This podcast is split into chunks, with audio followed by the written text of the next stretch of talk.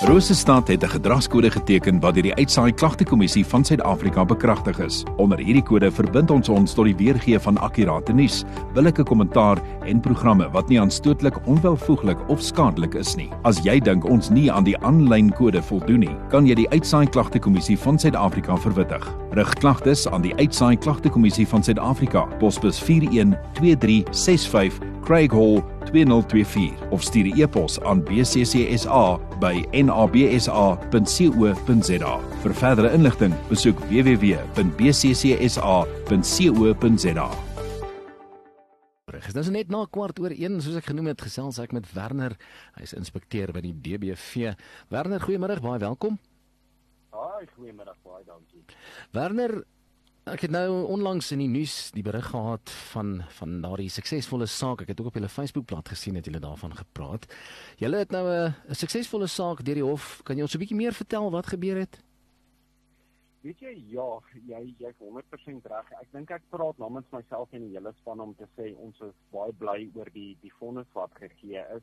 So die saak wat voorgekom het in die hof kom na 'n man dronk geraak het in Oktober 2021 en sy twee worshonde in 'n warm kar by die ou biblioteek in Bloemfontein parkeer het.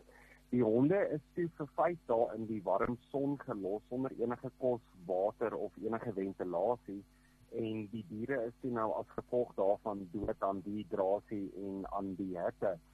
Die vonnis wat gegee het is is baie belangrik in in hierdie saak. So die die persoon is gefonnis na 36 maande korrektiewe supervisie 300 plus ure se gemeenskapsdiens wat by die Bloemfontein se DBV uitgedien gaan word en dan ook amper die heel belangrikste na lewenslange verband op eienaarskap van enige dier. Daai vonnis spesifiek is is vir ons as 'n span regtig 'n groot oomblik in in die wetgewing van Suid-Afrika, want dit sit 'n 'n 'n baken in plek vir die howe om altyd na die saak te kyk en te verseker dat dieremishandelaars ook dan nou gestraf word. Wat sluit hierdie lewenslange verbod op eienaarskap in? Uh, hoe werk dit? Weet jy wat wat dit dood eenvoudig beteken is as jy gefonnis word vir dieremishandeling mag jy gewoonlik vir 'n tydperk van 5 jaar nie nie diere aan nie. In hierdie spesifieke geval is dit nou vir lewenslank. Dit beteken nou eintlik net hierdie persoon kan glad nie enige dier in in sy in sy erf hê onder sy beheer hê. Hy mag glad nie eienaarskap hê oor oor enige dier nie. Ons sal dan nou ook die hoof help om om nou deur te gaan met dit en en te sorg dat daar geen diere op sy perseel is nie. Werner, is dit onwettig om jou hond in 'n motor te hou? As kom ons sê vir argumentsonderhalwe jy wil net vinnig by die winkel gou in instap weet jy daar's 'n daar's 'n baie fyn lyn. Ek sal nie sê dis onwettig nie, maar ek dink dit dit kom eerder neer op 'n aspek waar 'n mens net vir jouself moet dink.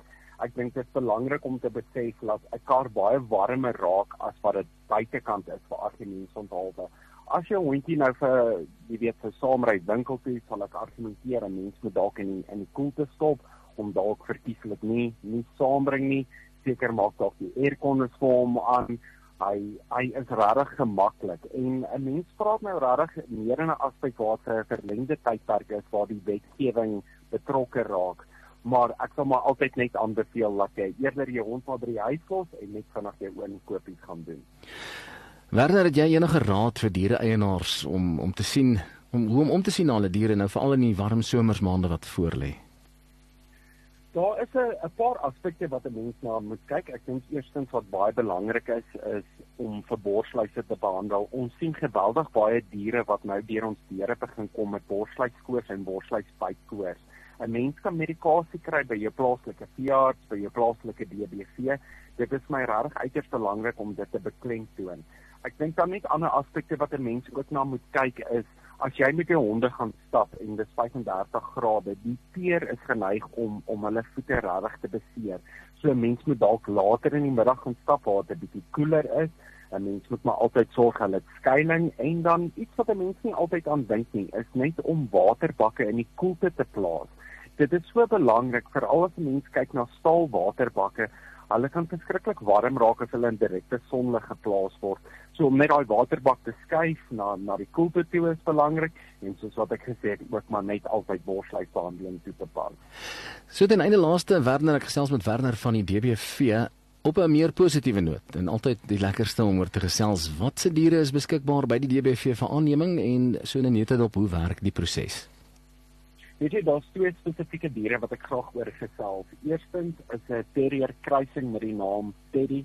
Nou Teddy is 'n geruime tydal by ons en ons kry net nie vir hom 'n huis nie. Dis die liefdevolste hond onder die die son. Dis 'n medium ras hond en ek wens net elke persoon in Bloemfontein kan hom kom ontmoet. Hy is regtig die lewe van self en hy's net liefde om te gee. Die ander dier wat ek graag oor wil praat is 'n kat wat by ons is, 'n mannetjieskat met die naam Coco. Coco is 'n Siamese kat, so nie 'n ras wat 'n mens elke dag dan nou raakloop nie. En om enige een van hierdie twee diere aan te neem, moet jy net na die DBV toe kom met 'n kopie van jou ID en 'n bewys van adres. Daarna het jy so 'n bietjie papierwerk om in te vul by ons. Ons sal dan nou ook 'n huisbesoek dan aflê en wanneer die huisbesoek dan nou afgelê en goedgekeur is, dan gaan jou jou nuwe diere dan nou saam met jou huis toe. Dit klink uitstekend. Werner, dankie en sterkte ook. Ek sien julle is in Lady Brand met met nog 'n hofsaak as ek nou die ding reg het, so baie sterkte daarmee ook.